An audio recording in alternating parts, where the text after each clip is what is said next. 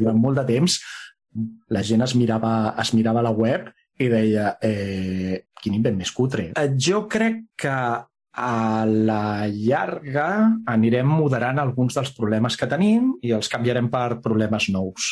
Mm. No és tan terrorífic, però sí necessitem que tothom estigui educat i que tothom sàpiga què és el que passa i què vol dir quan acceptes les cookies sense mirar. Efectivament, tenim una oligar oligarquia i ets o Google, o Amazon, o Facebook, o Apple, o Microsoft, i aquestes cinc companyies eh, et coneixen mm, pues, en determinades coses millor que ta mare. I en algun moment ens acostumarem a que tothom tingui l'adolescència a la xarxa i, escolta, aquí no, aquí no passarà res. Però els moments de canvi, de passar de que no a que sí, vol dir que de sobte algú es troba amb sorpreses i amb coses i el desconeixement fa que de sobte et trobis coses online que dius i això exactament qui ho va pujar? Ah, jo, vaig ser jo.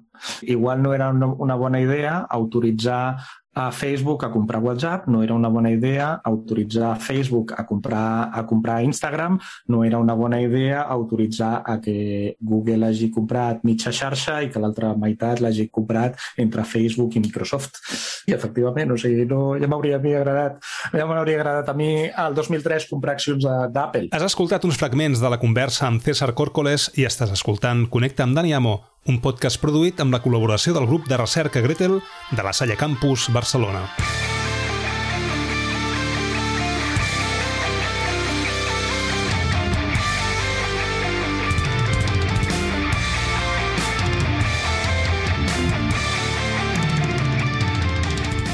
César Pablo Córcoles o César Córcoles o... Bueno, sí, si vols el nom sencer, César Pablo Córcoles Briongos, però aleshores no acabem mai. Normalment César Córcoles, que ma mare em perdoni. I Chechar, de què ve Chechar? Perquè en el teu compte de Twitter estàs com a Chechar. Uh, sí, que és una cosa super seriosa com a, com a, com a profe i queda, queda super formal cada cop que ho dic. Uh, això és una batalleta de la, de la facultat. Unes amigues van començar a dir-me Chechar no sé per quin motiu i era l'època que començaven a aparèixer els serveis web i que et donaves d'alta i vaig descobrir que Chechar no estava agafat en lloc, vés a saber per què, saps? I des d'aleshores que quan em dono d'alta algun lloc normalment és, és Chechar. Uh, passa, en algun moment hi ha, hi ha més Chechars pel món, eh? A Instagram no sóc jo, per exemple, però si veus un Chechar 8 de cada 10 vegades com a mínim sóc jo. que t'anava a dir, no? Perquè al final, que jo Dani amo, hòstia, Dani n'hi ha moltíssims. De vegades d'anar posant 1, 2, 3... Ja. Mm -hmm. Això, amb César Córcoles passa, passa menys, i si posés el sencer eh, no passaria, però és que és molt llarg. No, escolta'm, César i Arreando o Chechar, eh? Um, tu estàs a la UOC i a la UOC estàs com a director del programa del màster universitari, no sé si ho dic bé, eh? Uh, director del programa del màster universitari en desenvolupament i aplicacions web, no? Desenvolupament de llocs... Uh, estrictament desenvolupa, desenvolupament de llocs i aplicacions web. Jo, és que és una constància. El nom no és llarg, que no, jo no, jo no m'hi fico, saps? és premissa principal per fotre't amb merders, no? És a dir, Correcte. Ja, escolta'm, jo l'altre dia eh, vaig publicar, bueno, està en procés de revisió, no? Vaig llançar doncs, article publicat a revista i uh -huh. vaig pensar, ostres, quin nom més llarg. Doncs no, un dels reviewers em va dir el teu nom és massa curt, posa-li tres o quatre paraules més fins a arribar a les 20. Dic, hòstia, s'està quedant amb mi? És que realment... No, no, però el tio m'ho demanava, eh, com a requisit. Sí, sí, el món de l'acadèmia és, és una cosa extremadament estranya. estranya. A part de director, estàs donant classes també o què? Uh, doncs, de fet, sí. O sigui, jo fa... Mira, uh, aquest mes farà 20 anys que sóc profe de la UOC, que es diu, que es diu aviat. Tenim, tenim una edat. Uh, I treballo sobretot um, portant assignatures del, del grau de multimèdia i això del màster és una història que vam encetar com a postgrau ara fa, pues, diria que 5 anys i que des de fa 3 és un màster universitari, que és tot un món, i ara puc dir que sóc el director d'un màster, que, que impacta, impacta una mica, però bàsicament vol dir que fas, que fas molta paperassa. Molt bé. Sí, sí, no, bàsicament e, és això, eh? Recerca la toques o què? Una mica, bueno, o sigui, jo de fet, o sigui, encara estic acabant el meu doctorat, que, que és una... Sí, sí, sí. Aquí em portes molt de, molt de, molt d'avantatge espero, espero, espero tenir-lo acabat. I, de fet, fem eh, coses semblants perquè la meva recerca té a veure amb l'analítica d'aprenentatge, que si no m'equivoco és del teu, del teu tema de recerca. De fet, avui he fet una conferència, ponència, xerrada, el que vulguis, a la Federació d'Escoles Cristianes de Catalunya, que s'estan posant molt en sèrie amb això. I, uh -huh. de fet, a la UOC teniu el grup Laica, si no m'equivoco, amb en Jaume Minguitó. Ah, correcte. De fet, uh -huh. um, el vaig anar a veure el Jaume per, perquè fos el meu director de tesi. Però mira, per, per A, B, C, al final vaig acabar a Salamanca, eh? vull dir que... Però en el procés que estava amb ell fent converses, i el vaig anar a veure allà a 22 arroba, em va sortir doncs, l'oportunitat d'anar a Salamanca i fer... Sí, sí. És un crac, també fa 20 anys que ens coneixem. I el tio també, bueno, ara ja no corre tant, no? Però el tio, ostres, en maratons i tal, fotia molt bons temps, eh? Estava molt fort. Eh, en sí, en tenia unes quantes d'acabades, que jo és una cosa que us admiro moltíssim perquè jo seria absolutament incapaç de fer. Jo corro 100 metres i, i vull dir, a la meva velocitat i és el, és el meu límit. M'agrada caminar i m'agrada fer una mica de, de passejar pel, pel món i pujar una miqueta i baixar, però això de córrer no es va, no es va fer per mi. És per covards, corres per covards, els valents es queden. Ah, escolta'm, uh, César, um, ja saps que, que el podcast en el que sóc autor, no, doncs parlo de, de humanitat, tecnologia i, i privadesa i, i en, en el web està tot, és a dir, està tot el tema humanitat, tot el tema de privadesa, tot el tema de tecnologia i ara més en, prima, en privadesa. No? Tu també tens podcast. De fet, eh, allà a la UOC heu fet un molt xulo que es diu Despacho 42, que més o menys és molt semblant uh -huh. el, el, que, Sí, o sigui, ens assemblem força en els temes, en els temes que toquem. Nosaltres per això som molt menys prolífics que tu, jo no sé com, jo no sé com tu fas. Eh, nosaltres traiem un episodi, un episodi al mes i amb això en tenim, en tenim prou. Però sí, amb la, amb la Susana i el Dani també ens preocupa això, la intersecció entre tecnologia i persones i fa doncs, una miqueta més d'un any ens vam llançar l'aventura i de moment ens ho passem, ens ho passem molt bé. Ostres, són molt interessants i parlo de, de, de temes molt propers, molt actuals i, ostres, s'han de tocar, eh? Tanmateix, jo a vegades parlo del que em dóna la gana, eh? Vull dir, a vegades tinc episodis de descalcisme, que no té res a veure amb tecnologia, no? Però, bueno, uh -huh. uh, ho entrelligues, no? I la tecnologia al final pot ser digital, o humana, o, o el que sigui. Escolta, comencem. Uh -huh. ah, ens hem plantejat a fer això en una horeta, no? Més o menys. I, i anem a veure per on, per on sortim, eh? I, i anem per als llocs on ens doni la gana, no? De fet, uh, seguint-te per Twitter, um, vaig veure que vas publicar un dia, ara no me'n recordo, i l'he estat buscant, eh? un podcast sobre navegadors, uh, sobre història de, del web. Jo em vaig sí. un, però no sé si és el mateix que, que el, el teu, que es diu History... Internet History Podcast? Sí, aquest, Internet History Podcast, que el tio ha fet un... De fet, és, és el llibre, no? El llibre surt d'aquests episodis Correcte. o al eh? Eh, Correcte, sí, va començar, va començar a fer el podcast, ara ja fa uns quants anys, per ten, acumular entrevistes amb gent històrica de la web en diferents aspectes. Jo no el coneixia, de fet el vaig començar a sentir aproximadament amb l'inici de, la, de la pandèmia eh, i vaig per l'episodi 175 un i En té, en té 200, o sigui, estic, estic a punt d'acabar-lo. I eh, si algú està interessat en la història de la web, vull dir, hi trobes autèntiques joies, hi trobes enginyers que van començar a treballar a Netscape, els enginyers que van començar a muntar Amazon o Yahoo o Google, etc. Eh, hi ha episodis que no són tan divertits, però també n'hi ha algun que dius, eh, mare de Déu, senyor, quina gent corre pel món. I és, és, és molt bèstia. A més a més, el tio dona uns detalls, o sigui, que dius, d'on has fet aquesta informació? Perquè, o sigui, sí, has hagut de tenir entrevistes molt personals, molt properes, molt íntimes amb les persones que estan allà. De fet, jo he començat a escoltar-lo a, a trossos, eh? I, I al final he agafat el llibre i el, i el llibre, ostres, és la bíblia de l'inici de, de tot plegat, no? Jo el llibre el tinc a la pila aquella eh, de, de llit, a la taula del costat del llit i que si algun dia hi ha un terratrèmol jo moriré aplastat per aquella pila de llibres. Jo, mira, eh, els he reduït i vaig amb un llibre electrònic, tu. I allà hi tinc tot el coneixement. De fet, vaig estar a punt, amb la pandèmia, saps que eh, s'ha posat de moda doncs, mostrar no, la llibreria que tenim darrere i, i quan mm -hmm. vaig estar a punt de, de penjar, de ser la, la paret blanca i penjar-hi allà el Kindle i allà és on... ja tinc tot plegat. Mm -hmm. Escolta'm, um, l'únic navegador que existeix no és el Chrome, oi? Uh, estem segurs.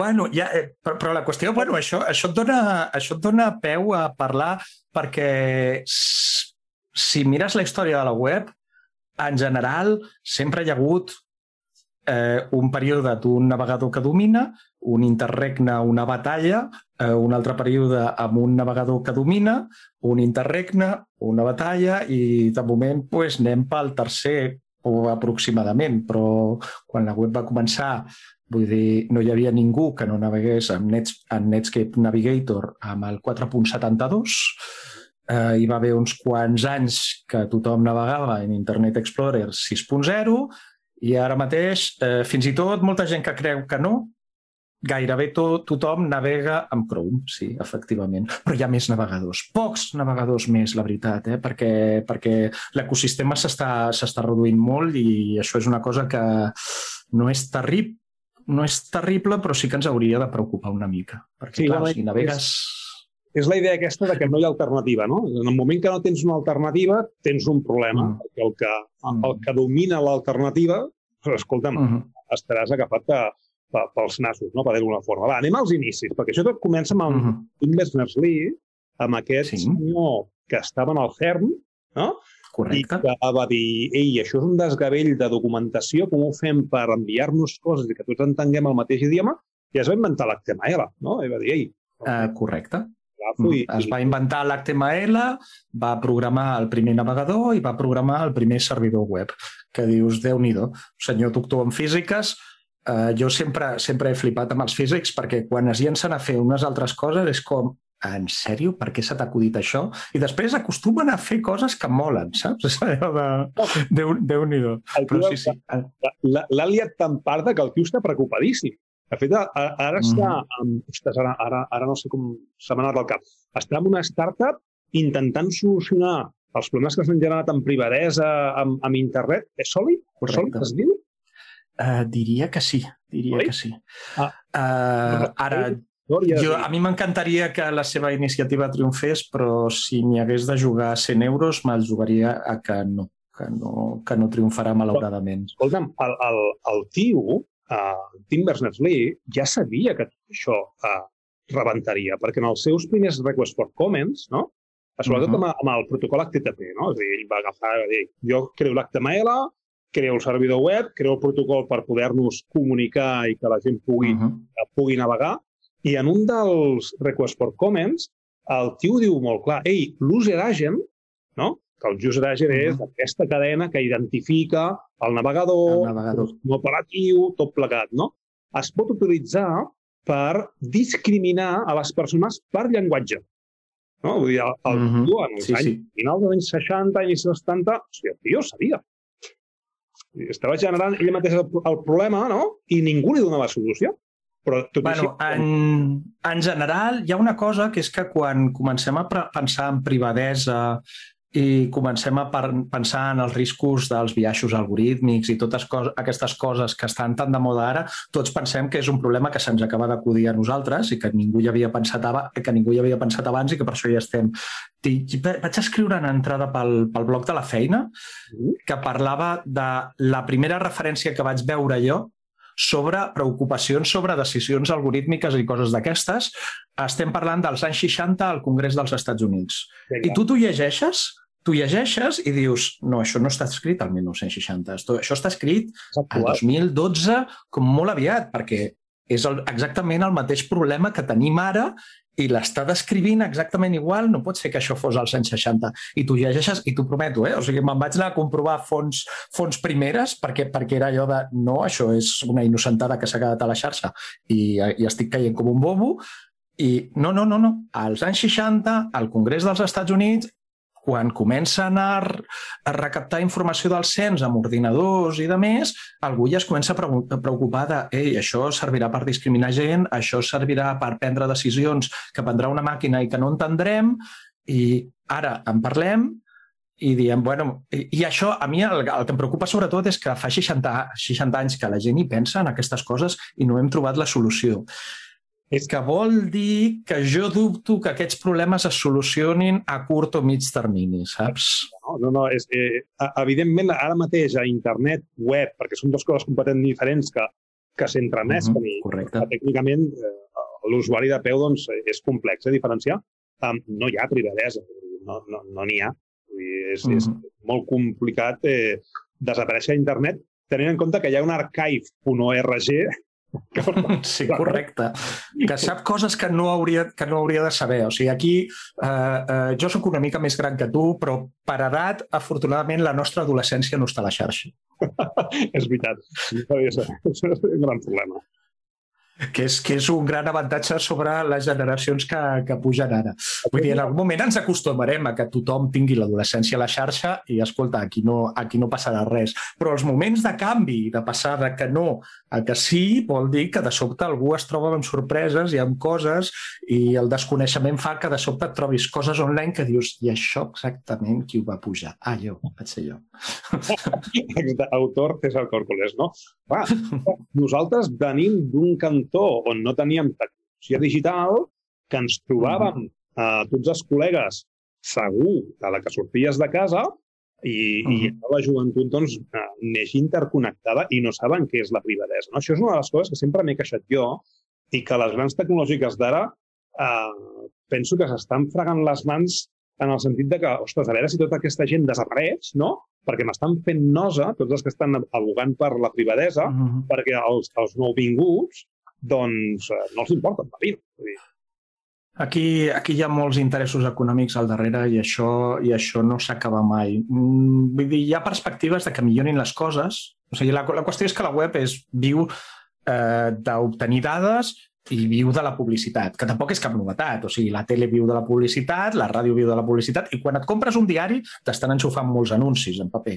I, i has pagat, eh? I encara així hi ha un anunci a cada pàgina i pobres diaris, quan van perdre els classificats que hi havia al darrere, van perdre molt, molt, de, molt de negoci. Eh, jo crec que a la llarga anirem moderant alguns dels problemes que tenim i els canviarem per problemes nous. Mm. No és tan terrorífic, però sí necessitem que tothom estigui educat i que tothom sàpiga què és el que passa i què vol dir quan acceptes les cookies sense mirar, i milions de coses i milions de coses més. Clar, o sigui, jo tendeixo a dir, és que això t'ho haurien d'ensenyar al col·le. El que passa és que, clar, o sigui, al col·le t'haurien d'ensenyar 17 milions de coses i posar una altra cosa més al currículum de primària o de secundària, els profes de primària i de secundària ja van fins al capdamunt i no sé fins a quin punt és raonable. De fet, primer els, els professors de primera secundària haurien d'entendre que és tot plegat, que jo ara estic fent una sèrie de formacions en digital, ostres, quan acabem la, la, la, la xerrada formativa i, i tal, surten consternats perquè diuen, ostres, tot això hi ha darrere de, de quan jo navego? Ostres, i, i, sí, sí. I... A mi és una cosa que m'esglaia quan va sortir el, el documental aquest, crec que va ser cap al Nadal, a Netflix, no me'n recordaré del nom, que parla de decisions algorítmiques i de més, que o sigui, a mi em va esglaiar força perquè el vaig trobar eh, molt ben intencionat, però un punt demagògic. Molt. I és allò de, ei, hosti, això no ho hauries d'explicar així, però de sobte, amics meus que conec de fa molt de temps i que fan servir aquestes tecnologies des de fa 20 anys literalment, és allò de, escolta, però això va així? I és allò de, bueno, exageren una mica, però sí, va així. I la quantitat de gent que coneixem que fa servir aquestes tecnologies cada dia des de fa molts anys i que no n'és conscient que aquestes coses són gratis, igual que la ràdio és gratis perquè t'enxufen 15 minuts de publicitat de cada, de cada 60, doncs això a la xarxa també passa. I Bueno, no ho sé. O sigui, clar, jo visc en una bombolla, la mateixa en la que vius tu, on som una mica conscients de que aquestes coses passen. Però, clar, comences a explicar i la gent diu, vale, doncs sí, que és veritat, que tens raó, que el documental era una mica demagògic, però és com per portar-se les mans al cap i dius, sí, i tant, sí que ho és. Sí, sí, sí, sí perquè clar, estem en una situació que estem absolutament uh, vigilats, no? I, i. I és curiós, eh? Tu i jo vam, vam, quan vam tocar el primer mòbil, no? Potser el, el joc que hi havia instal·lat era l'Snake. L'Snake de Nokia, sí, sí, naturalment. O sigui, de nou, tecnologia monopolis. És a dir, si tenies un mòbil als 90, era un Nokia i tenia l'Snake. després el Microsoft va intentar aixecar Nokia no, no, no va poder. Vull dir, no, escolta'm, no, no. Hi, ha, hi ha una cosa um, de la tecnologia que el Kevin Kelly uh, ho va deixar uh -huh. molt clar. El Kevin Kelly ha fet un parell de vídeos, no? Um, que era alguna així com 7.000 dies després del web i després mm -hmm, un altre sí. vídeo com 5.000 vídeos després dels 7.000 5.000 dies després dels 7.000 dies de, del web. Correcte. No? I, és, i, és, molt crac, és molt crac. Que cap un ORG. per mi aquest tio és un, és un referent, no? I, ostres, ho diu molt clar. Hi haurà una sola màquina. I el tio se li va escapar i, i, i va deixar anar molt clar que aquesta màquina seria Google. Aquesta màquina seria Google. I és més, fixa't que ara Google, i la diferència amb Facebook, no? que ara ha estat eh, hackejat, hackejat, no? És dir, potser va ser algo en el 2019 va passar i la gent va agafar les dades i, i ara s'està filtrant uh -huh. 53 milions de dades personals d'usuaris. No? Um, Google té una gran diferència amb Facebook uh, i la resta, que és que està muntant un ecosistema en el que pots utilitzar eines de Google per protegir-te de la resta i quedar-te en l'ecosistema de Google. Sí, aquí, aquí, tothom, aquí tothom corre, és allò de l'objectiu de Facebook és que passis dos o tres, les, tres o, les dues o tres hores que passàvem fa 20 anys veient la tele, que te les passis dintre de, de Facebook perquè perquè veus anuncis de Facebook i, per tant, guanyen diners. I Google té el mateix objectiu.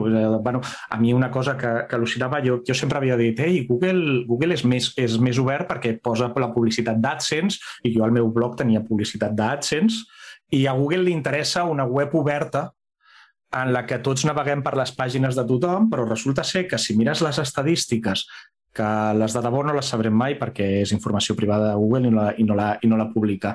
Però una agència ara fa dos o tres setmanes deia és que, escolta, eh, dos de cada tres cerques a Google la gent arriba a la pàgina de resultats de Google, Google li dona aquestes caixetes tan útils, el problema és que són útils, si no fossin útils no seria, no seria tan problemàtic, i et dona la resposta, que vol dir que eh, ara la informació que buscaves i que et portava al meu blog o al teu o on sigui i podies tenir, si et dedicaves això comercialment, doncs, a, tenir, a tenir publicitat allà i obtenir uns ingressos, doncs ara resulta ser que la informació es queda a la pàgina de Google i els anunciants, de fet, van a comprar anuncis a la pàgina de Google, no a AdSense a la resta de blocs del planeta, i de sobte és allò que dius, doncs, escolta, eh, estem jugant a una cosa que és no és tan tancada com Facebook, perquè és impossible ser tancat tancat com Facebook, uh, però déu nhi I jo sóc molt fan de moltes coses que fa Google i consumeixo molts, pro molts productes Google, uh, però mm, el Don't Be Evil va caure fa com 10 anys que tenien, que tenien el nom i quan et mires determinades pràctiques dius, a veure, sou menys dolents que moltes coses de la competència, però també feu una por i un respecte considerable. Sí, no, no, a veure, um, tenen molt de poder. Ara als Estats Units um, les tecnològiques en certs estats es, es consideren comptats. Sí, les, les tecnològies es consideren comptats, que això ja és molt, molt bèstia. No? El, el condado de Google, el condado de Facebook, no? I vinga, a, a, a, a cobrar impostos, no? Um, I clar, el, el que volen és generar un ecosistema on totes les dades les tinguin ells. De fet, Google no? uh, està volent eliminar les cookies, no? Sí, correcte, amb les flocs aquestes que s'estan posant tan de moda. Exacte, amb les flocs, no? Um, I clar, a, a partir d'aquí, doncs, ningú... O sigui, o passes per Google, perquè al final... O sigui, jo m'he donat compte no? Uh, de que internet és Google. Té tant de poder, no? Que en les, és a dir, les tecnologies Big Data és de Google uh, la, el, el nou protocol que substitueix el TCP, no, el, el QUIRC, no, o l'UDP. Exacte.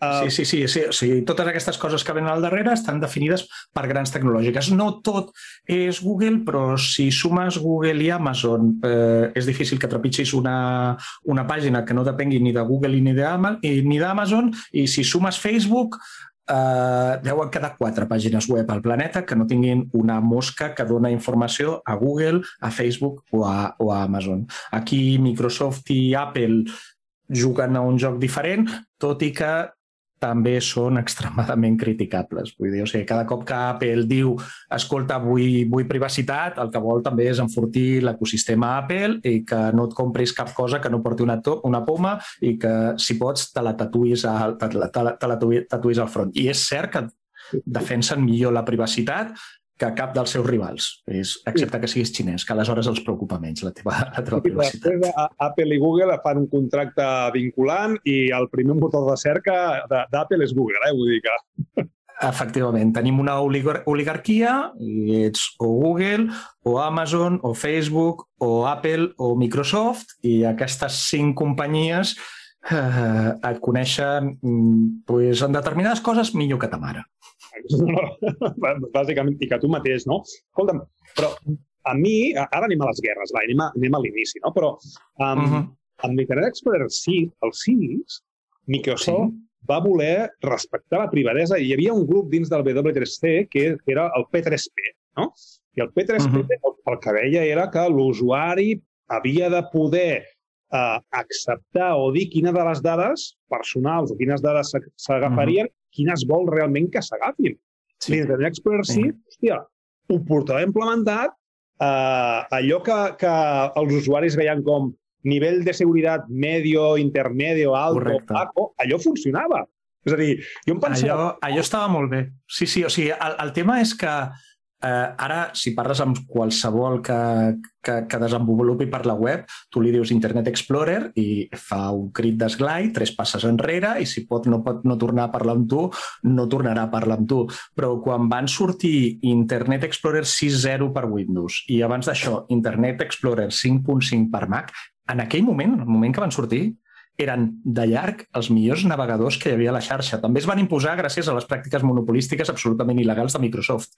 Però tu compares Internet Explorer 5.5 per Mac amb el Netscape 4.7 per Mac de l'època i el respecte per als estàndards web i per la privadesa i la seguretat dels usuaris, Microsoft guanyava de golejada. Insisteixo, això no fa que, li, que els hi perdoni tota la resta de coses que estaven fent al darrere i van perdre un judici i els hi està molt bé haver perdut aquell judici, que va ser molt merescut. El, el, el judici potser l'haurien d'haver perdut molt abans, no? Perquè... Eh, sí, però si tens prou advocats, doncs el procés comença avui i el judici s'acaba dintre de 10 anys, quan igual em costa una pasta, però quan segurament aquella multa de 100 milions de dòlars que em posaran, escolta, era un, més el que m'he gastat en advocats, que igual són més que aquests 100 milions de dòlars per un judici així de gros, però que tu mires com a decisió empresarial i dius, vale, doncs m'ha costat arribar fins aquí 200 milions de dòlars. Vale, bien, sí, sembla molt raonable però clar, tot, tot el que he guanyat abans ho justifica, no? Va, anem als inicis, perquè al final tenim el Tim Berners-Lee, que va inventar doncs, tot aquest protocol insegur, mm -hmm. perquè estava en una època de Hitilàndia eh, i tot és... Clar, o sigui, ell, pobre, vull dir, treballava dintre d'un institut de recerca. És a dir, no, podia anticipar problemes que podia tenir de coses, però ell volia publicar informació científica del CERN i d'altres centres que investiguen en física. Ni publicitat ni hòsties, això va arribar aviat, però va trigar des de la proposta fins al primer banner de publicitat. Van passar com cinc anys, diria que va ser, o sigui, no, cinc no, però com a mínim des de la proposta d'en Berners-Lee, que va ser el 89, fins al primer anunci, probablement estem parlant de tres anys ben bons que ningú se li va acudir que això era un mecanisme per guanyar diners. Correcte. No? I les analítiques després ja van venir més tard. No? De fet, el, Google es Correcte. va despertar una miqueta tard, no? perquè no és fins al 2000, eh, no sé si ho diré bé, eh? 2002-2003 que no compra Urchin, no? Urchin era Correcte.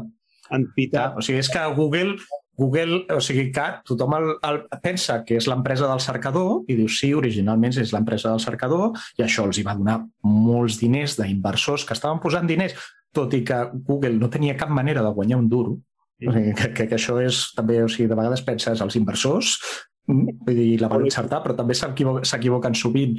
I aleshores van comprar tota una sèrie de tecnologies sobre publicitat a la xarxa, que no era seva, i de fet, a dia d'avui, més del 90% dels ingressos de Google o Alphabet venen de la publicitat a la xarxa, que jo sempre ho dic, que és allò d'estar, si estàs fent servir Chrome, estàs fent servir un navegador d'una empresa que es dedica a vendre publicitat. Uss, a mi em fa una mica de cosa. És una empresa d'advertising, eh? Vull dir, és que és, és així. Mm -hmm. volia dir, de fer la tecnologia Google inicial, podem dir que és el cercador i el Gmail. Uh -huh. La resta és tecnologia comprada i adaptada i... i, i sí, sí, sí. Ara les universitats comprem Google Apps i, escolta, per determinades coses van, van la mar de bé, eh, però a més del 90% del negoci de Google és vendre'ns anuncis, eh, ensenyar-nos anuncis i cobrar per fer-ho. Bàsicament. No, no sé si és, és que és així. Però, clar, això ve després, no? Però per arribar... Mm, molt després. Hem d'entendre d'on venim, no? És a dir, mm. eh, al final, com el que deia la pregunta o, o la frase al principi, no? Uh, Chrome no és l'únic eh, navegador i, no. de fet, quan va sortir Tim Berners-Lee que va fer la proposta en el seu en la seva llista de correu, no? que ara hi ha molt poquetes uh -huh. de, de correu, abans era la forma que es comunicava la gent. És a dir, hi havia un correu uh -huh. i la gent enviava allà, tu rebies tots els uh -huh. comentaris de tothom i era un guirigall, no? I, I allà deia, ei, que he fet tot això d'aquí, que, que, que es faci de màgia, no? I em sembla que hi havia uh -huh. un ordre de, de 20 i pico navegadors, no sé si m'equivoco, ara exagero, eh? No sé quants navegadors hi havia al principi, abans d'aquest mosaic és el que es va quedar. Uh, correcte, o sigui, la, la qüestió és que, clar, les primeres, les primeres implementacions de la web, les primeres versions d'HTML, les primeres versions d'HTTP, el protocol que, amb el que ens comuniquem per la web, eren relativament fàcils d'entendre i relativament fàcils de programar. Ara, per fer un navegador, necessites escriure centenars de milers de línies de codi i això no t'ho estalvia ningú. I aleshores, clar, posar-se amb un merder així, doncs no. Però en aquell moment és allò de ei, que he vist el navegador d'en Berners-Lee, que es deia World Wide Web, tot en minúscules i tot, i tot junt. Uh, no m'agrada, me'n faig un de millor. I clar, o sigui, estem parlant de que això hi navegava la gent que doncs hi havia molt d'informàtic de universitat que diu és que això és un projecte d'un cap de setmana i aquells navegadors es podien fer, bueno, si ets molt, molt, molt crack, es podien fer en un cap de setmana. Si ets una mica menys crack, doncs igual en tres mesos el tenies fet. Avui en dia fer un navegador mm, necessites molta gent durant molt de temps i és una, i és una bogeria. I tothom va començar a fer això, navegadors, i de fet en Tim Andreessen eh, Mark Andreessen, que li, canvio, que li canvio el nom, per exemple, treballava per això, el National Center of Supercomputing Applications a Illinois. Uh -huh. i era un, era un becari de recerca i és allò que es dedicava a fer software de visualització de dades i en algun moment és allò d'escolta, podríem fer un navegador? I el tio doncs, va fer això, el que tu, el que tu comentaves, NC, NCSA Mosaic, que va ser el primer navegador que dius, bueno, això comença a tenir cara lluís i això, això de la web encara servirà, servirà per alguna cosa, perquè durant molt de temps la gent es mirava, es mirava la web i deia, eh, quin invent més cutre. O sigui, el, el 89 mateix, el 1987, hi havia eh, l'hipertext, el concepte d'hipertext és molt anterior a la, a la web, i amb Berners-Lee, quan la web començava a funcionar, va anar a fer una presentació a una conferència acadèmica sobre hipertext. Els acadèmics, que són gent molt intel·ligent i molt brillant, Eh, els de l'època, afortunadament aquí no hi érem ni tu ni jo, però segurament ens hauria passat el mateix, van veure allò, van dir això és molt cutre, això no triomfarà mai, els nostres invents d'investigació universitària són molt millors, tira milles. Al cap de dos anys, en Berners-Lee va tornar a fer la presentació principal a la següent edició de la conferència. Però, però que la web havia de triomfar és una cosa que no, no estava tan clara i hi havia, hi havia molta competència. No ho veien, no ho veien. De fet, als inicis, el que volien era compartir informació oberta. De fet, els ordinadors de les universitats no tenien passwords, estaven oberts. I qualsevol Correcte. que entrava a un ordinador d'una altra universitat podia veure els projectes, les recerques, els pitxers. Aquí ningú es preocupava. Mm. Ara, vull dir, Correcte. es preocupaven en això. És a dir, eren científics que volien compartir la feina de forma lliure mm -hmm. i eh, ningú es molesta. Que passa que va venir a TNT o Bell i companyia i van dir, hòstia, això eh, és la bomba, no? Anem a, anem a escalar-ho i anar a fer-ho doncs, mm -hmm. doncs mundial. No? Correcte. Ara, escolta'm, tenim en Marc Andresen, no? És a dir, i aquest tio fa el, el, un navegador i uh -huh. per què és rellevant això? És dir, per què és rellevant el navegador Mosaic i no la resta que es podien fer un cap de setmana o en dos mesos? Doncs, de fet, o sigui, primer, perquè comença, perquè comença a funcionar, a funcionar prou bé i perquè han desenvolupat, de fet, o sigui, del codi de Mosaic o de l'experiència del desenvolupament de Mosaic sorgeixen els dos grans navegadors de, dels 90, que són Netscape Navigator i també Internet, Internet Explorer. De fet, Internet Explorer, les primeres, vers les primeres versions no que eren pròpies de Microsoft, però en algun moment Microsoft, que va arribar una mica tard a la, a la pel·lícula, va dir, escolta, que amb el que fet, hem fet no arribem enlloc, i si comprem algun navegador? I de fet van comprar codi de, de, de, del mosaic de la NCSA, mentre a Netscape tot i que havien desenvolupat aquell codi, com que volien muntar una empresa, de ben fet van fer allò de, bueno, vale, doncs ho tornem a, a desenvolupar, però no podem fer servir aquell codi perquè tindríem problemes de propietat, de propietat intel·lectual. O sigui que de NSSA Mosaic surten els dos grans navegadors dels primers 10 anys de la xarxa, que és déu nhi Ja, ja, no, és a dir, però també és una, és una miqueta collonut, eh? perquè, ostres, el Marc és qui desenvolupa això, però després ho pot fer servir perquè hi ha una empresa que es diu Spyglass, que té els drets Correcte. de localització de l'NSA en Mosaic, amb la qual cosa li foten un, un veto brutal. bueno, de fet, mm. amb Microsoft eh, o amb Bill Gates, digue-li com vulguis, eh, un, un o l'altre, tenen la mania de construir productes sobre productes que han fet altres, no? Ei, que... Uh, sí, se'ls dona molt bé, se'ls dona molt bé. Això i em monto alguna cosa, no? Mm. De, fet, és la tendència d'ara, que comentàvem abans que Google té el cercador i té Gmail i la resta has comprat, doncs la pràctica em sembla que la va, la que va començar a fer Microsoft. Sí, o sigui, de fet, bona part dels problemes que tenim avui en dia de privacitat i de seguretat a la, a la xarxa doncs són que en algun moment, quan eh, o sigui, igual no era una, una bona idea autoritzar a Facebook a comprar WhatsApp, no era una bona idea autoritzar Facebook a comprar, a comprar Instagram, no era una bona idea autoritzar a que Google hagi comprat mitja xarxa i que l'altra meitat l'hagi comprat entre Facebook i Microsoft. I aquesta gran concentració d'empreses, a veure, o sigui, en algun moment et fa la vida més fàcil perquè de sobte només has de discutir-te amb quatre o cinc empreses diferents, però l'ecosistema es redueix i els ecosistemes eh, com més diversos, millor per tothom. Dir, els naturals, però els tecnològics i els econòmics també. Clar, no, no, i, i sobretot l'ecosistema eh, de codi obert, no? perquè ara mateix l'alternativa és el codi obert. És a dir, perquè, perquè uh -huh. té la gran tecnològica que, que té millorades darrere, diu, no, això que m'està fent sombra t'ho compro. No? O t'amenaço, ei, si creixes, eh, aniré a la jugular, amb la qual cosa més val, et recomano que si faig una oferta que l'accepti. Sí, bueno, i després, o sigui, el, el problema del codi obert, o sigui, a veure, o sigui, jo utilitzo Firefox com a navegador, que és el navegador de codi, de codi obert, i procuro tirar de tants serveis de codi obert com sigui possible. I el nostre planeta depèn del codi obert, o sigui, perquè eh, el servidor web per defecte que fem servir tots és Apache, que és un projecte de codi obert, i hi ha moltíssimes coses de les que no són conscients però que són, però que són de codi obert. I, de fet, bona part no, bona part no. La part bona de Chrome és Chromium, que és un projecte de, que és un projecte de codi obert. Després mm, eh, Google hi posa les seves coses a sobre que no ens agraden tant i a canvi inverteixen molt en el projecte de codi obert, però en treuen un benefici, vull dir, no contribueixen al codi obert de Chromium perquè siguin gent meravellosa i fantàstica, que n'hi ha uns quants que sí que ho són, sinó perquè hi ha uns objectius de negoci, de negoci al darrere. Veure, Google està finançant des de fa ben poquet eh, el projecte Firefox. Vull dir, està donant mm -hmm. una Uh, sí, sí. Cada any. O sigui, sense, sense els ingressos de, de Google, Firefox no seria viable avui en dia. Uh -huh. I és que també és una cosa que ens ha de fer, que ens ha de fer preocupar encara una mica més. Exacte. I escolta'm, aquesta, aquest binomi Net, Netscape Mozilla, no? Uh -huh. Entenc, perquè clar, Netscape, um, que és Mosaic? Uh -huh. és, és, el, pues, és a dir, uh, uh, Marc Andresen el que fa és uh, agafa el codi del mosaic original fet a NSCA. Fa, fa un desenvolupament en paral·lel, però molt, però molt semblant, perquè vull dir, s'emporta l'equip de la gent que estava, que estava allà i se'ls porta a treballar a Netscape.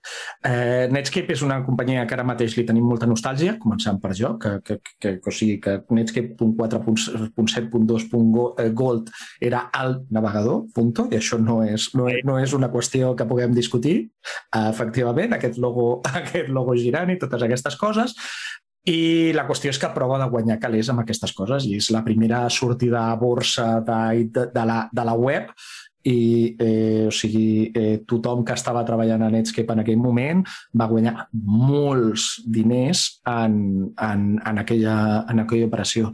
La qüestió és que Netscape, a banda de fer moltes coses molt bones, eh, era una companyia que estava buscant guanyar, guanyar diners, eh, eren una mica prepotents, eh, no eren la companyia més respectuosa amb la privadesa dels seus usuaris i les seves pràctiques d'enginyeria tampoc eren les millors. Que vol dir que quan van arribar a Netscape 4.7 doncs els que tenim una edat, com tu i com jo, recordem que, hi, ha, que hi va haver un Netscape 6, eh, un Netscape 6 que vam fer servir 4 i ningú recorda que hi hagués un Netscape 5, perquè Netscape 5 era el projecte que havia de venir després del 4.72 i era tan terrible que no va arribar a sortir mai al mercat. I aquí el que va passar és que, doncs això, que Netscape es va enredar moltíssim, -huh. i es van passar molt de temps sense treure navegador nou i sense aconseguir els, els ingressos que, que havien de mantenir una empresa, una empresa tan gran. I pel darrere va venir Internet Explorer, eh, eh, Microsoft, que havia arribat un any i mig tard a la web, que en, quan estàs parlant de... N'hi ha uns que arriben al cap de tres mesos i tu arribes al cap de dos anys, és una diferència, és una diferència brutal, però Bill Gates, amb els diners de, de Windows i i, i de més doncs, va començar a posar pasta allà i va dir, escolta, hem de ser millors navegadors, eh, un millor navegador que Netscape, i això, entre la 5.5 i la 6, tot i que ens costi molt reconèixer-ho, eh, vist des d'ara són navegadors terribles, vist des del moment que van sortir són navegadors molt més respectuosos amb els, els estàndards i la privacitat dels usuaris i es, i gràcies al monopoli de Windows es van, es van acabar imposant. I això va acabar amb l'empresa Netscape, que uns anys abans cost, valia en borsa mil, eh, un, mil, milions de do, mil milions de dòlars, i va començar a baixar, baixar, baixar, baixar, fins que van haver de plegar. Sí. I d'aquí surt Firefox. I d'aquí surt Firefox, que és el projecte Mozilla. Clar, a veure, és que jo tinc entès que uh, l'origen de Netscape, uh, la seva base filosòfica és open source. Gestionar això... Eh, és, és a dir, una, una cosa és que el comercialitzis eh, però el desenvolupament, la gestió, ah. aportacions de diferents developers. Clar, la diferència amb Internet Explorer és que Internet Explorer és privatiu, el desenvolupa una entitat, i aquí uh -huh, correcte. La, la gestió és molt més àgil, no? tot i que té la uh -huh. complexitat, però en canvi, que, ostres, unificar tots els plugins, jo què sé, un Secure Socket Layer, no? que et fa un no sé qui, incorporar uh -huh. de la suite al codi uh -huh. de Netscape, hòstia, tenia una compli complicació i no, no trigues el mateix no? que si no hagués sigut original. Sí, però sobretot, o sigui, és, és un problema de... Mm, vale, si hi ha un projecte que t'agrada molt, eh, hauries de preocupar-te de que aquest projecte ingressi prou diners perquè si no deixa de ser sostenible i, i jo m'he de pagar la hipoteca, espero que tu ja la tinguis pagada però, però si no tens una hipoteca tens un lloguer i si no estàs estalviant per la jubilació, que vol dir que tots volem una nòmina o alguna manera de tenir ingressos, ingressos regulars i la qüestió és que Netscape, doncs, els ingressos havien de, treu, de sortir de vendre, de vendre servidors i això és un projecte que no va acabar tenint l'èxit l'èxit su suficient i Microsoft, per la seva banda, no necessitava guanyar ni un duro amb Internet Explorer perquè el negoci de Microsoft en aquell moment era vendre'ns eh, còpies de... encara devia vendre algun MS2 6.0 o alguna cosa així, vendre'ns Windows 3.11 for Workgroups i vendre'ns moltes còpies de Word, d'Excel i de la suite d'Office. I per Microsoft Internet Explorer era una arma defensiva de dir eh, ei, jo he de ser aquí i no puc deixar que se'm mengin aquest mercat que encara està naixent i, per tant, hi va poder dedicar molta pasta que no, i les pràctiques de desenvolupament de Microsoft, que al cap i a la fi és una empresa que porta molts anys corrent i això vol dir que hi ha determinades coses que fan bé. Eh, I això vol dir doncs, que el seu projecte era molt més sostenible que el de Mozilla, que mm, això a finals dels 90, amb la patada de la bombolla que hi va, que hi va haver, doncs va deixar de ser sostenible i van haver de plegar. De fet, aquí hi ha, hi ha mm. tres factors també que van ser decisius. Un, la compra de Netscape per part d'AOL, no? Uh -huh. Dos, Microsoft va treure l'MSN, no? el Microsoft Network, que era com una espècie Correcte. d'ISP, no? i a més uh -huh. a més, um, per no dir que el, el, el 99%, hòstia, uh, potser el 90% de les màquines que sortien al mercat portaven Microsoft Windows. Amb la qual cosa, si Microsoft Windows era l'Internet Explorer, perquè Explorer uh, ja no, no quedava, l'explorador de ventanes desapareixia. Vull dir, uh -huh. uh, amb la sí, qual sí. Tot, navega, tot ordinador que portava Microsoft Windows per defecte portava instal·lat Internet Explorer i el net, el net l'havies d'anar a buscar, descarregar, uh -huh. instal·lar ostres... Sí, sí, i les descàrregues de l'època no eren com les descàrregues d'ara. O sigui, descarregar-se al Netscape Navigator, estem parlant de que amb una connexió de mòbil de casa igual t'estaves una hora i mitja i dius, escolta, si ja tinc, si ja tinc l'Explorer a l'ordinador i ara m'he de passar una hora i mitja consumint telèfon per descarregar-me Netscape, doncs escolta, eh, és pasta de telèfon i a més és que és molt incòmode. Ja el tinc aquest Ah. I érem quatre, quatre friquis que no, no, jo, navego, jo navego amb Navigator perquè eh, passareu per sobre del meu cadàver abans de que jo perdi Navigator. Exacte, de fet era, era la lluita aquesta que, que Steve Jobs doncs, deia, no? és a dir, el, el que estava dalt de tot el dictador, no? i després els que estaven mm -hmm. per utilitzant doncs, tot aquest software. De fet, el, el Netscape jo el vaig veure per primera vegada Uh, I mira que mon pare és un tio supertecnològic i gràcies a ell estic on, on estic i és qui portava mm -hmm. perquè viatjava en aquell temps molt als Estats Units i portava molta tecnologia, no? De fet, jo era dels mm pocs que amb els meus amics tenia el Flight Simulator amb un mando Ei. d'avió no? i estàvem allà hores, no? Um, I amb ell doncs, vaig aprendre l'MS2, el Doctor 2, etc etc i vaig tocar mm -hmm. Windows, però el Netscape el vaig veure per primera vegada al, al, al que abans del Tecnocampus de, de Mataró, no? Uh -huh. a, a la UPM té una escrita a UPC que estava a dalt de Mataró, a la biblioteca. Uh -huh. vaig, vaig entrar, uh -huh. vaig veure alguna que es movia, vaig dir, què és això? No? I ja vaig començar a entendre que era el GET, el POST, les peticions, els CGIs... I correcte, vaig correcte. Clar, jo aquí arribo una mica, més, una mica abans que tu, bàsicament perquè sóc més gran i perquè el meu pare, a banda de tecnològic, era informàtic. Es, de, es, de, es, dedicava, es, de, es dedicava a programar. Ara ja s'ha jubilat i no, però encara el tenim, eh, afortunadament. I, clar, o sigui, i a més, jo va donar la casualitat que jo vaig entrar a la universitat al 91 el 91 és el moment en el que la gent comença, comença a navegar per internet fora del CERN i comença a arribar a les universitats i comença a arribar... Però jo, jo en aquell moment, o sigui, nosaltres teníem un compte en el BACS de, del, del, del departament que ens el donaven per les classes d'algoritmes i programació.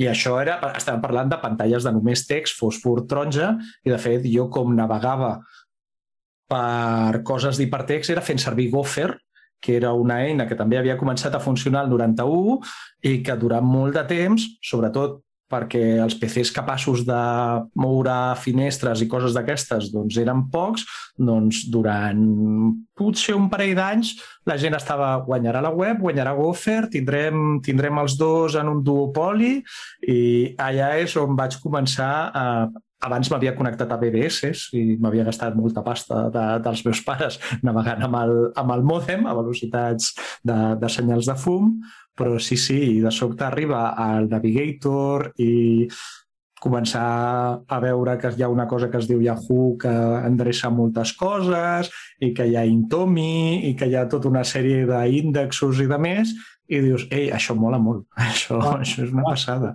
És la diferència de obrir l'ordinador, trobar-te una pantalla en negre i un curso parpadejant i haver d'agafar el manual, mm -hmm. perquè jo me'n recordo.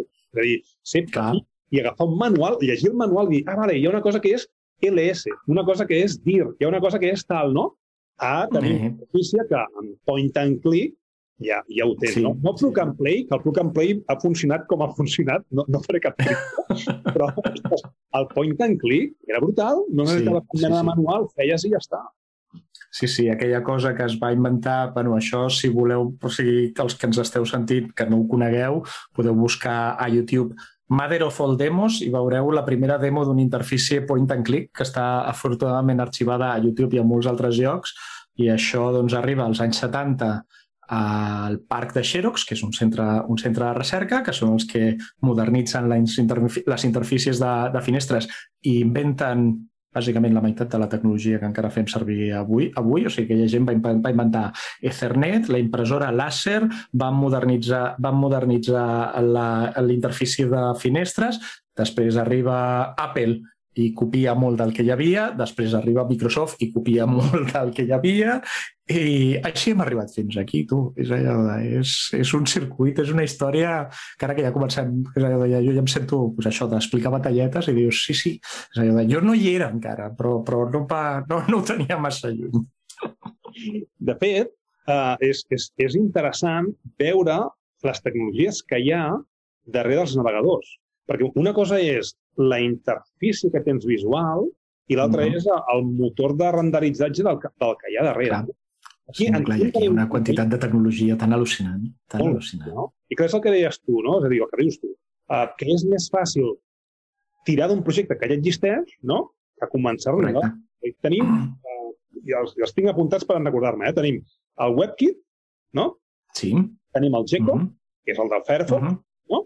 Correcte. El WebKit és el Safari i companyia, i després tenim el Blink del que Chrome, és el de Chrome que, que de fet això, això, és un, això és un divorci, perquè Chrome fins a... L'espera, ho tinc apuntat, perquè com que he pensat que això sortiria, fins i tot ho he buscat. Uh, Chrome feia servir WebKit fins al 2013. I al 2013 Apple i Google es van divorciar i Apple es va quedar al nen i, i Google es va quedar la nena i aleshores, des d'aleshores, que és WebKit i Blink, que és el motor de, que és el motor de Chrome. Que de fet el WebKit ve del, del, ostres, del Conqueror, del navegador Conqueror. Correcte. Que, que va fer sí. el motor HTML, no? I, uh -huh. i d'aquí, doncs... Ah, exacte. exacte. Perquè això, abans li donàvem una mica de canya a, a Microsoft perquè va arribar tard, tard a la xarxa. Uh, eh, lo d'Apple va ser espectacular. O sigui, Apple va llançar Safari el 2003. Vinga. O sigui, Apple durant molts anys era molt feliç uh, dient, escolta, el navegador que hauries de fer servir és Internet Explorer 5.5 de Microsoft. I es quedaven tan amples, perquè nosaltres això de fer un navegador i això de la, de la web com que no ens interessa i dius, ei, arribar al 2003 és fer tard. Sí, sí. Sí, és... Senyora Sara. Sí, sí, sí, sí, efectivament. O sigui, no, ja m'hauria agradat, ja m'hauria agradat a mi al 2003 comprar accions d'Apple. Hi ha una diferència molt bèstia entre Apple i Microsoft. Microsoft, en general, arriba tard amb els mòbils, amb els navegadors, uh, ho gestiona mm -hmm. a l'inici, però a llarg plaç no sap gestionar. En canvi, Apple hi ha, hi ha, hi ha coses que arriba tard, i, i Apple és molt pioner en moltes coses, no? però tot i arribar tard, ostres, el tio no, no han sapigut eh, gestionar-ho bé. Eh? Apple, bueno, totes, totes dues companyies tenen un conjunt de coses que fan divinament bé i altres coses que dius, mira, escolta, ho has provat vuit vegades, jo ja plegaria perquè això no és el teu. O sigui, els serveis d'Apple, els serveis web d'Apple, és allò de, mira, escolta, pleguem i me'n vaig, a, me vaig a la competència perquè acabem abans. I Microsoft, bueno, Microsoft també s'ha de pensar doncs, això, que el Microsoft d'ara, amb el CEO Satya Nadella i el Microsoft de Bill Gates abans eren dos monstres diferents, a mi l'actual em cau considerablement menys malament que el de Bill Gates i després hi ha al mig el període de regnat de Balmer, que jo sí que va ser un desgavell eh, prou, prou espectacular, però mira, escolta. el vídeo de developers, developers, developers. Ai, Déu meu. Que en Balmer és allò de si, si el sents en una entrevista és un tio, o sigui, superconyon i super, super divertit, saps? Que és allò que dius, ei, no? Si però eh, el desgavell que li va fer a Microsoft i el nivell de bogeria que té eh, s'hauria d'estudiar perquè són difícilment igualables. És molt bèstia. Vale, però escolta'm, em sembla que hem dibuixat la primera guerra que va uh -huh. ser entre Netscape i Internet Explorer, que al final l'Explorer va guanyar per el monopoli que tenia muntat a Microsoft, que el van castigar uh, 10 anys després. Uh -huh.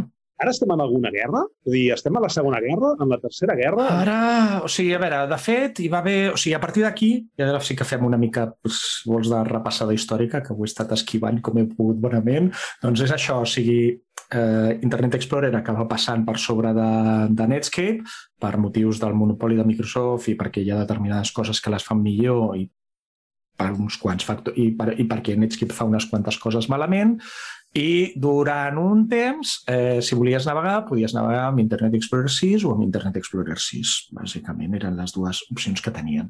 De sobte, la gent que marxa de, de Netscape eh, li tenen una tírria brutal a Microsoft primer perquè els ha passat per sobre i els, els, els hi ha acabat la, la paradeta que tenien muntada, i tenen molta pasta. Si havien venut les accions de, Netscape a temps, és allò de, escolta, a mi no em cal tornar a treballar a la vida. I Netscape 6 no ha funcionat, però acaben convencent als propietaris de Netscape en aquell moment, a All, com deies tu abans, que els havia comprat abans, escolta, i per què no obrim el codi de, el codi de Netscape i fem un producte de codi obert? Això no és tan fàcil perquè és el codi de Netscape en aquell moment no estava obert i quan tu desenvolupes, quan escrius codi i esperes que no el vegi mai ningú, eh, escrius com escrius. I això eh, jo confesso que ho he fet. Tu no sé, però és allò que dius, si això ho veu alguna vegada algú, eh, i es va passar mesos i mesos netejant i documentant aquest codi per poder-lo convertir en un, en un projecte de codi obert. I aleshores tre treuen doncs, la primera versió, crec que li van dir Firebird, no, no, Fire, no Firefox, van tenir algun problema de propietat intel·lectual del nom, i de sobte doncs, va sortir Firefox 0.7, crec que va ser la primera versió que tenia, que tenia Carau Lluís, i de fet Firefox, un projecte de codi obert, va començar a guanyar-li quota de mercat a, a Internet Explorer 6.0. Entre altres coses perquè Microsoft es va veure guanyadora de la guerra dels navegadors i va dir escolta, ja tenim la web aquí, ja guanyo jo, escolta, aneu tots a treballar d'altres coses. I van desmuntar l'equip d'Internet Explorer 6.0, que era molt bon equip, de desenvolupadors i gent que es preocupava molt de la web i van dir tu cap allà, tu cap allà, tu cap allà i no m'emprenyis més, que ja hem guanyat, això no cal... El que passa amb els monopolis, eh, un cop que, un cop que has guanyat no cal tornar, seguir treballant i treballar costa diners i fa suar i és, és molt dolent. I, però és això, pues, a base de quatre tontos que vam dir ei, si això era Netscape i jo era molt fan de Netscape, jo m'instal·lo aquesta cosa i començo a navegar, i van començar a sortir versions i versions i versions, fins que va arribar un moment que Internet Explorer va començar a perdre domini, també era més fàcil, teníem connexions de, mi, de, millor, de millor qualitat i era més fàcil descarregar-se un navegador, encara que tinguessis Explorer 6 a la teva màquina en Windows, i va començar a guanyar quota de mercat. I en algun moment, de fet, Firefox va ser un navegador amb una quota raonable. I eh, els que ens sentiu, eh, descarregueu-vos Firefox, feu servir Firefox i fugiu de Chrome com si fos la, fet per una empresa que us ven publicitat. Eh, ja està, he acabat la falca publicitària, ja no hi torno. Uh, i aleshores hi va començar a haver una cosa. Primer, Microsoft que se n'adona que, ai, que, que se m'estan menjant, que se m'estan menjant al mercat. I per un altre costat, Google, que ja era molt gran i que tenia molts diners, i que de sobte va dir, doncs Firefox està bé, però nosaltres ens agradaria que els navegadors eh, evolucionessin d'una determinada manera. I van muntar Chrome. Mm -hmm. També fent servir WebKit, que estava, fent, que estava fent servir també Safari, perquè era un projecte de codi obert, i encara que siguis Google per muntar un navegador, busques a veure si hi ha un projecte de codi obert que puguis fer servir, perquè, en sèrio, començar des de zero és, és una tasca que jo no li desitjaria a ningú. I aleshores el que hi va començar a haver és una guerra de Chrome provant de imposar-se en el mercat, que, eh, spoiler, eh, han guanyat.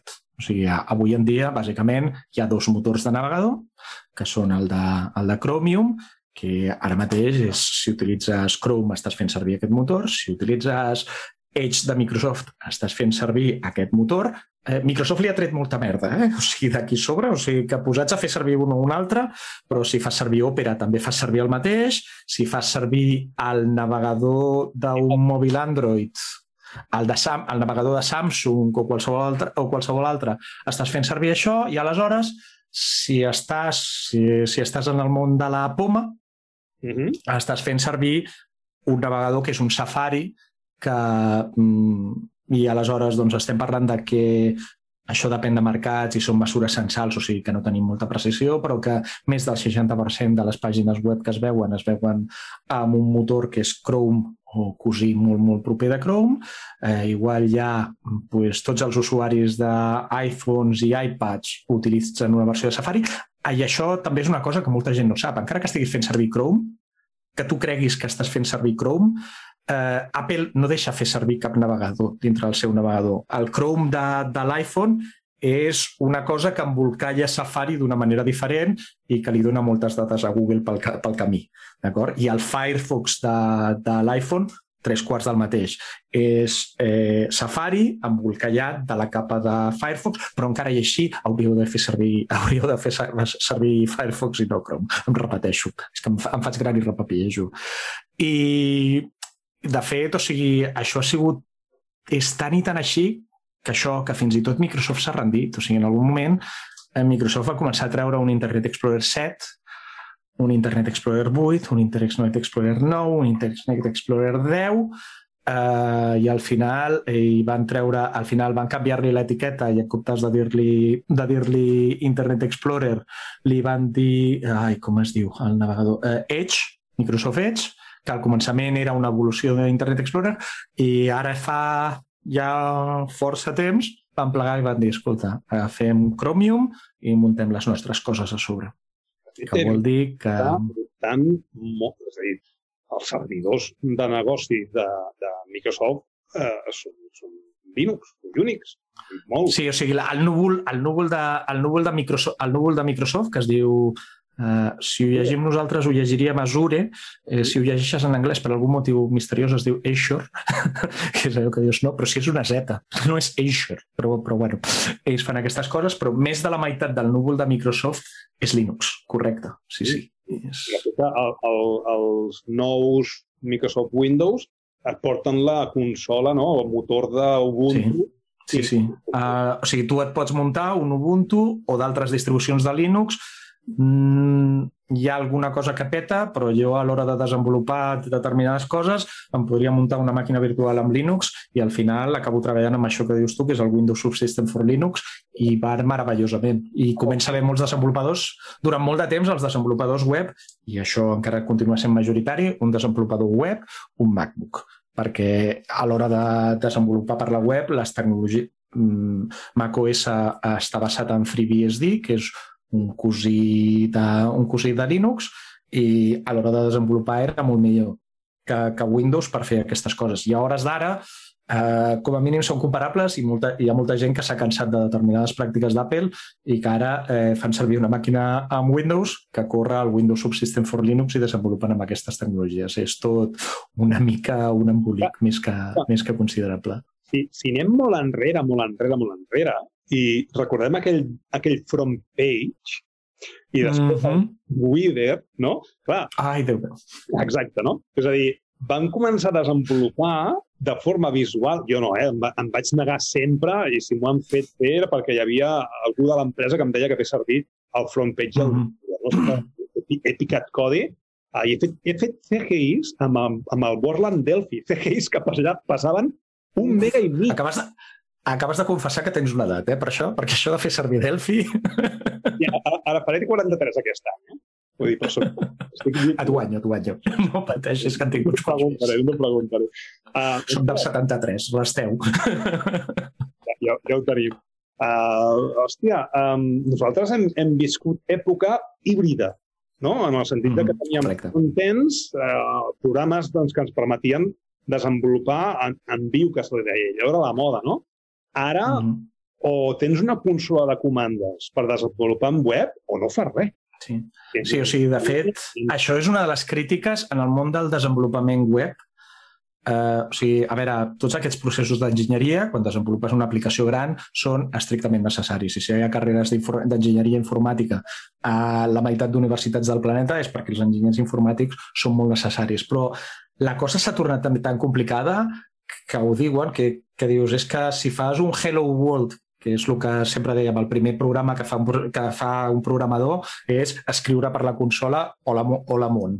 Doncs avui en dia, si el vols fer amb els frameworks de desenvolupament web eh, més comuns, que serien React, que serien Angular, que serien Vue, eh, probablement abans de fer aquest Hola Món t'has de descarregar molts megas d'eines que, de fet, després dius les estic fent servir, resposta no, uh, però i has hagut de programar un empaquetador de coses i has hagut de configurar tres eines que no entens molt bé per què les estàs fent servir i acabes fent servir una pàgina web estàtica que té quatre cosetes i dues, i dues fotos i li estàs enxufant a l'usuari eh, o sigui, això ho deia, o sigui, la pàgina web mitja Uh, ara crec que pesa més de dos disquets, els que són prou grans, que recordem els disquets de 3,5 d'alta densitat, que eren un mega 44, i que això ens semblava meravellós quan, quan va arribar, perquè dius, ei, Déu meu, no, no l'ompliré,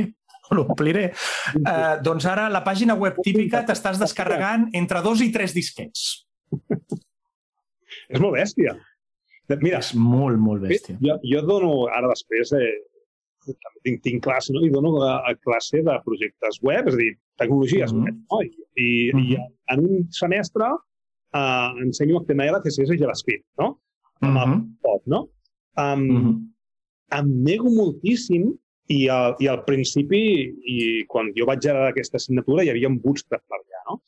Em nego uh -huh. moltíssim a ensenyar um, tecnologia enllaunada d'aquest tipus, amb, amb el temps que. Eh? Si tingués més temps, llavors ja faria altres coses, no? Però, ostres, uh -huh. um, vull que els, meu, els meus alumnes que són enginyers toquin la tecnologia base i que construeixin uh -huh. ells sobre això, no? Perquè si no, sí, eh, ostres, uh, i comences a fotre el Composer, el Webpack, el Gulp, el no sé què, i llibreries per, per no sé què, i ja quan li fots el babel... Sí, sí. Va, I, de sobte, I de sobte algú canvia alguna cosa i el teu projecte deixa de funcionar i hi ha 475 coses diferents que podrien ser les culpables. I no en tens ni idea de quina, de quina patat. Sí, jo en això estic molt d'acord. O sigui, en desenvolupament web hi ha molta gent que diu escolta, JavaScript? No, jo començo a explicar React. Dius, no. Explica HTML, explica CSS. I els desenvolupadors hardcore es miren molt malament a la gent que sap escriure bé HTML i CSS i de vegades és denigrant i dius, no, és que aquesta gent haurien de tenir sou de becari. Dius, no, no, no, no, no. no. O sigui, si, si tens una base de, de bon HTML i bon CSS i, un, i coneixes realment JavaScript i no només el React que es, que, o l'Angular o el Vue o el que sigui que hi ha sobre de JavaScript, escolta, a la llarga t'estaràs estalviant molts diners, molts mals de caps, molts megas descarregats que no feien falta i moltíssimes coses. No cal que tothom aprengui a programar, tot i que tots hauríem de saber què és programar i tenir una certa idea de, de fer les coses, i no cal que tothom sàpiga HTML, CSS i JavaScript, però si dius que ets desenvolupador web i no entens el concepte d'especificitat en CSS, Uh, perdona, però no, no ets un desenvolupador web, potser ets un desenvolupador React o ets un desenvolupador Angular o ets un des desenvolupador d'alguna cosa en particular, però la web i tu sou coses diferents. Uh, sí, perquè al final es fa de dalt a baix en comptes de baix a dalt, no? És a dir, per exemple, Exacte. en comptes d'utilitzar l'XML HTTP request, doncs t'utilitzen el fetch o l'Axios o companyia. No, no, anem a baix i després ja anem a, anem mm -hmm. escalant, no? I per això em, em nego. De fet, totes les pràctiques i exercicis que faig els, els pobres suen, eh? però és que els faig validar l'HTML i el CSS clar, a clar. tot. I, I em pregunten... Però així, així de regal aconsegueixes que després, si fan coses seguint aquestes pràctiques, per exemple, siguin més accessibles. Exacte. Mm, per exemple. Jo, de fet, quan tenia, jo vaig tenir empresa durant 10 anys de desenvolupament web i companyia i, i feia jo cursos de forma personal d'usabilitat, experiència d'usuari, no? perquè, ostres, són coses que es tenen absolutament oblidades, no? Perquè al final una pàgina web és un um, mirall, diuen, no? d'aquestes empreses, no? I ha de ser el més impactant, el més xulo possible. Després, cap valida, totes depenen de frameworks, llibreries que la que s'autoritza el navegador o la llibreria es trenquen, és un, uh -huh. és un guirigà. Sí, sí, o sigui, a, a, moltes vegades o sigui, també passa que el comprador no sap què compra. Primer perquè és tecnologia molt complicada, però quan... O sigui, si et compres, si vas a fer-te una casa, eh, t'assegures de que te la fa un senyor arquitecte, hi ha unes regulacions, hi ha unes coses, i et costa un paston, però mm, hi ha una, ser una sèrie de garanties que tens. Quan compres una web, doncs no te'n no, no preocupes tant, tot i que dius, però és que és la casa de la teva empresa, que um, la gent et comprarà a la web més que, més que a través d'una cosa física i um, que m'ho fa, que fa un amic del meu cosí. I l'amic del teu cosí pot ser superbrillant i fer-t'ho molt bé, naturalment, però si t'hagués de fer una casa li demanaries quatre, quatre referències. En el món de la web aquesta referència no cal que sigui, que sigui, que sigui un grau universitari ni que sigui un màster, hi ha moltes maneres d'arribar a saber fer web i hi ha moltíssims professionals que no tenen formació universitària i ni falta que els fa ara que no en sent ningú a dos professors universitaris parlant, vale? de tota manera la formació universitària també té sentit, però, però sí que busques unes referències i proves d'assegurar-te que el producte que t'estan venent té una certa qualitat. I avui en dia el que fas és comprar una web i quan has, quan has de fer un canvi la tires a terra i en fas una de nova perquè és més fàcil tirar-la a terra i fer-la de nova que fer-hi quatre canvis. I això ja, és... Per dir-te que jo, és a dir, el, la meva empresa va ser des del 2001 fins que es va constituir en el 2001, que vaig començar abans, fins al 2010, no? Um, mm. Jo em dedicava a salvar culs i em trucaven la, les empreses a dir-me ei, és que el freelance m'ha deixat eh, abandonat, m'ha fet la, la, la pàgina web d'un conegut, no? Després, mm -hmm. eh, et dones compte que eh, aquestes persones tenen una idea, un concepte de què és el desenvolupament que no és el que toca, no? Jo agafava mm -hmm. els projectes doncs, perquè has de menjar, no? Però mm, jo em dedicava a salvar culs, a salvar culs perquè els havien deixat abandonats. És, és, és aquesta concepció de la informàtica. Per, per posar un exemple, mm és a dir, et ve algú a arreglar-te la, la persiana i et cobra 60 euros, et ve algú a arreglar-te el mòdem, et cobra uh, 25 i és Eh, sí, és allò que dius. Escolta, eh, pensa... Espero que no se't trenqui mai el pany de la porta de casa. perquè ei, el que pagaràs és considerablement més del que, del que has pagat per la web a través de la que vens els teus productes. Dius, ell, que està bé que sigui barata i que tots volem pagar el, men el mínim possible, però si et venen un cotxe per 300 euros sospites, oi? Exacte. Bueno, i ja no parlem de la legalitat. Pàgines web que compleixin amb la legalitat de l'OPD, DGC o que sigui. Uh -huh. Sí, sí, la RGPD, si, si passéssim llista, bueno, és igual, deixem-ho deixem estar. No, és que aquestes lleis estan pensades per les grans tecnològiques, eh? per castigar-les i per cobrar de les grans. Sí, o sigui, això, això ara faig una altra falca publicitària. Tenim un episodi de Despacho 42 que parla de, de RPCPD, que li pot interessar a algú que ens escolti. I, o sigui, la gent que escriu les legislacions prova de que això no sigui així. Però quan tu imposes una, una normativa que per qualsevol empresa resulta ser que necessites eh, prendre moltes mesures per complir-la, això vol dir que el petit empresari diu és que no puc complir-la i que o bé ho faig i espero que ningú s'hi fixi o bé eh, arribat un punt dius, doncs escolta, no passa res. Vull dir, si Facebook s'ha de gastar 17 milions d'euros en revisar que les seves webs validin els requisits legals de la Unió Europea, de Califòrnia, etc etc, doncs 17 milions d'euros no són diners. Eh, si un petit empresari s'ha de gastar eh, 8.000 euros. O sigui, jo ara ho veia, un conegut, que em deia, escolta, hem fet una cosa que fem una, una, un estudi seriós i ben fet de si estàs complint la RGPD i et diem com complir-la. És a dir, com que ho fem ben fet són 2.000 euros. Si tens un negoci petit i estic convençut que és un preu que per la qualitat que ofereixen és, és més que raonable. Eh? Però clar, o sigui, hi ha molta gent que diu sí, hi ha 2.000 euros, és, no els tinc aquest mes perquè arribo just a final de mes i el negoci, vull dir, si ara desvio 2.000 euros cap allà, deixo de comprar no sé què i no ho puc fer.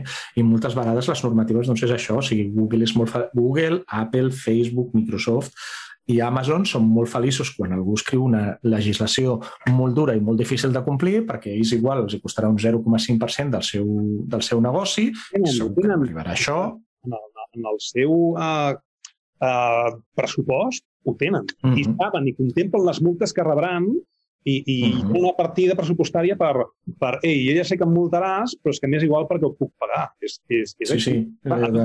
És que més, més, més barat per, per pagar la multa que complir, que complir la normativa fins que no em quedi més remei. Exacte. Que és prou espectacular. Jo et dic, eh? jo amb la meva empresa uh, feia, jo vaig fer cursos, és a dir, feia cursos de, de com fer complir la LPD, ara és la LPD eh, GDD, no? Ja Exacte, sí. Digitals, no? Jo feia uh, compliment d'aquestes lleis i tenia els meus partners que ho podien fer, però hi va haver un moment que era impossible. I, a més a més, és una llei que s'actualitzarà i que sortiran coses noves de forma recurrent, és impossible mm. que els petits empresaris, uh, ja no pimes i, i, i menys pimes, eh?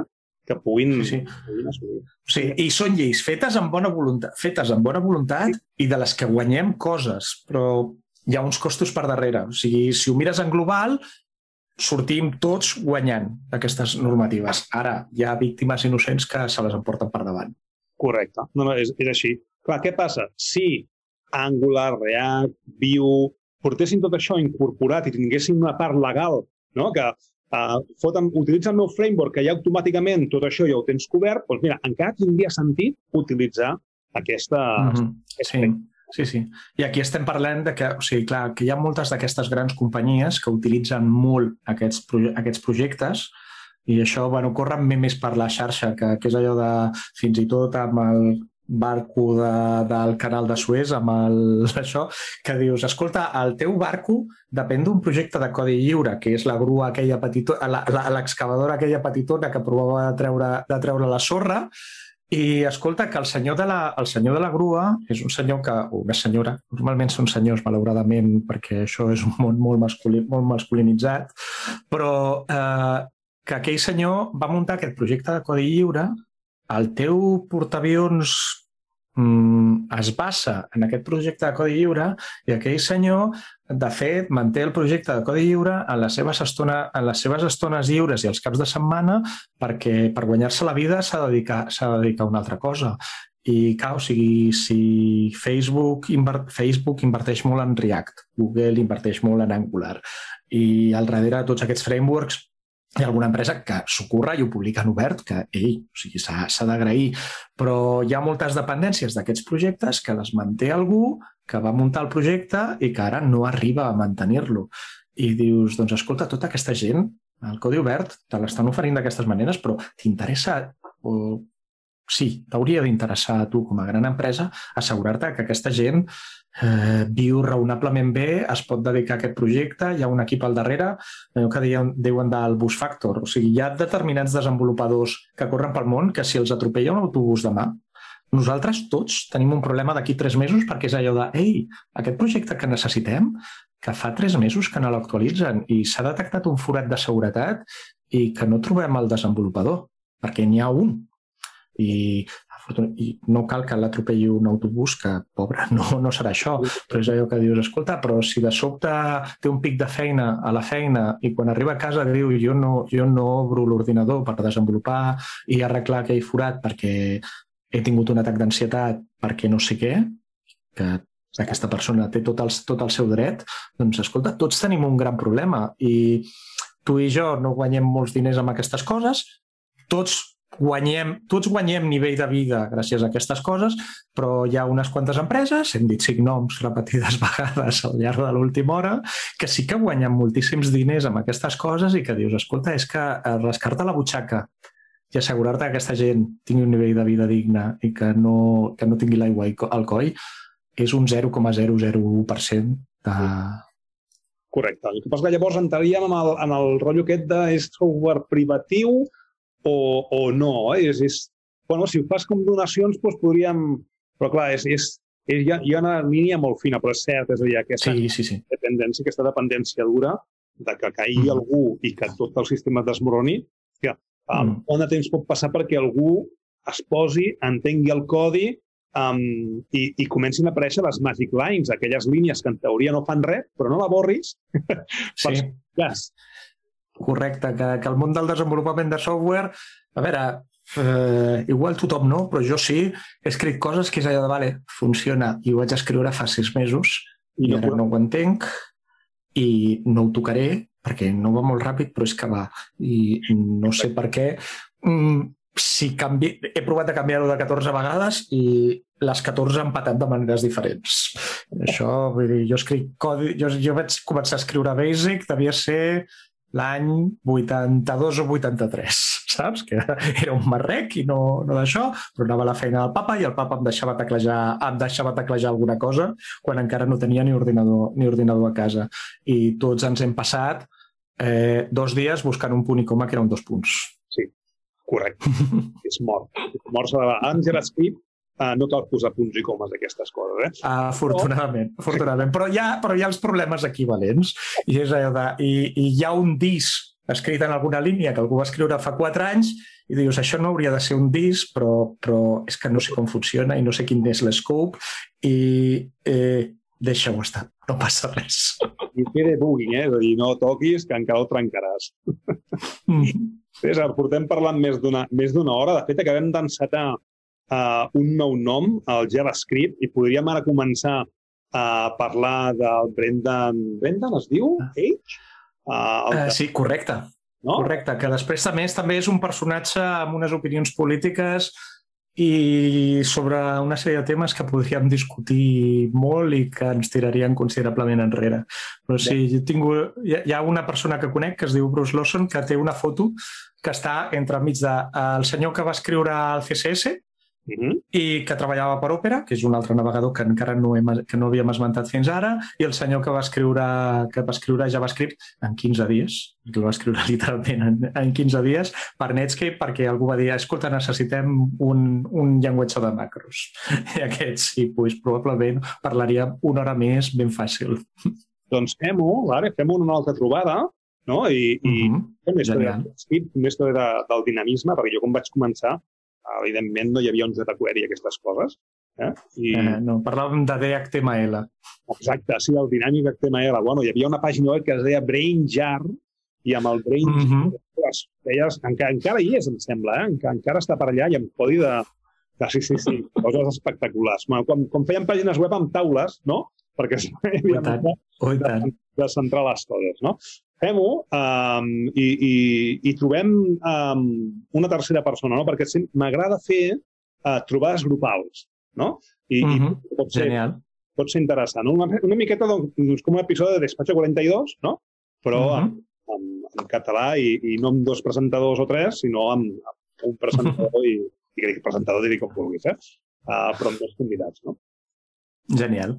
Fantàstic. Doncs moltes gràcies, César, pe- pel teu coneixement, per haver-te empapat d'aquests 175 episodis, no? De... sí.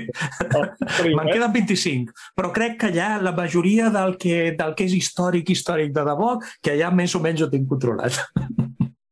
Fantàstic. Vaig començar a preparar aquest, aquest episodi de podcast fa un any i pico. Mira tu. Home, i déu-n'hi-do, eh? Jo penso que, que ha, quedat, ha quedat molt bé. Al principi molt dispers, no? perquè jo soc una persona molt dispersa que toca moltes coses, però al final ens hem, ens hem Jo centrat. sóc el rei, el rei de les tangents, això no, no ho puc evitar. Jo veig una tangent i m'hi llenço. Molt bé, doncs, doncs gràcies pel teu coneixement, pel temps, i continuem. A la propera fem, fem JavaScript. Va. Fantàstic. Doncs escolta, i moltíssimes gràcies per convidar-me.